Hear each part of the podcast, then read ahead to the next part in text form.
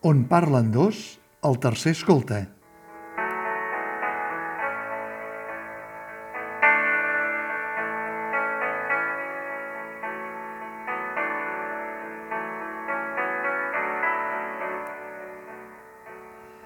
Quan el dramaturg Václav Havel va escriure aquesta peça breu l'any 1975, encara dins de la repressió arrossegada des de la primavera de Praga del 1968, l'autor estava prohibit al seu país fins a la caiguda del règim comunista. Precisament la parella anfitriona en la versió original de Vernissatge són un parell de joves comunistes benestants que no tenen res a envejar a altres semblants capitalistes. Aquesta precisió no cal que s'especifiqui en el muntatge actual,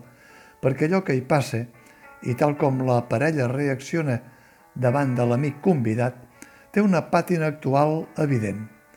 Per això, la companyia ha evitat les referències temporals, polítiques o geogràfiques del segle passat, amb la intenció de constatar que el discurs de l'autor continua vigent i aplicable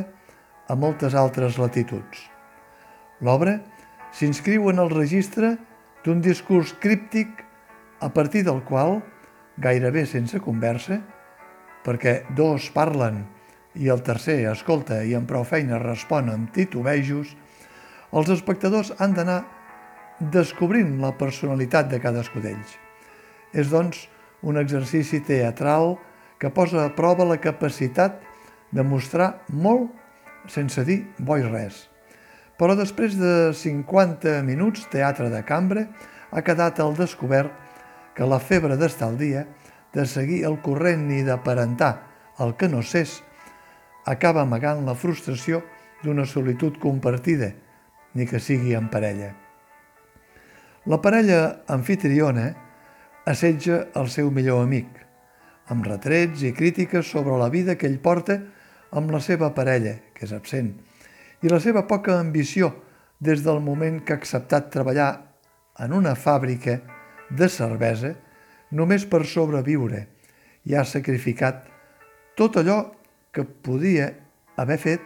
amb el seu coneixement intel·lectual i de caràcter progressista. El pis de la parella és un model de decoració que l'espectador ha d'imaginar i el ritme de vida que porten un exemple a seguir pels altres, segons ells, fins al punt que la manera de viure l'amor pretenen que sigui compartida per l'amic a qui li correspondria fer el paper de voyeur de l'exhibició de la falsa felicitat, la falsa modernitat i el fals èxit. No és la primera vegada que les obres de Bacall Havel arriben al teatre català, la directora Dolors Vilarassau, amb la companyia Teatre Teatre, es va basar precisament en vernissatge i audiència per presentar Havel a escena el 1992 i va estrenar també la peça El Comunicat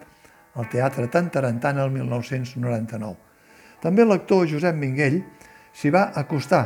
aquell mateix any, el 1999, amb la direcció de la mateixa peça, Vernissatge, en col·laboració amb la desapareguda Sala Artembrut, el Teatre del Calaix i el Teatre del Sol de Sabadell. La versió dirigida ara de vernissatge per Marília Samper estilitza al màxim la posada en escena i els tres personatges. Procura no cedir més èmfasi del que cal a cadascú d'ells, però sí que hi atorga una mirada femenina i deixa que sigui l'actriu, Carla Ricard, la que acabi dominant l'escena per damunt del paper que li toca fer el seu company de parella, l'actor Javier Pàmies, i per descomptat, el que li toca aguantar a l'amic, l'actor Ignasi Guasc. Entremig, silencis de miniactes separats per un tic-tac persistent que marca el pas del temps fins a l'esclat final que posa al descobert la farsa que s'amaga darrere de qualsevol vernissatge.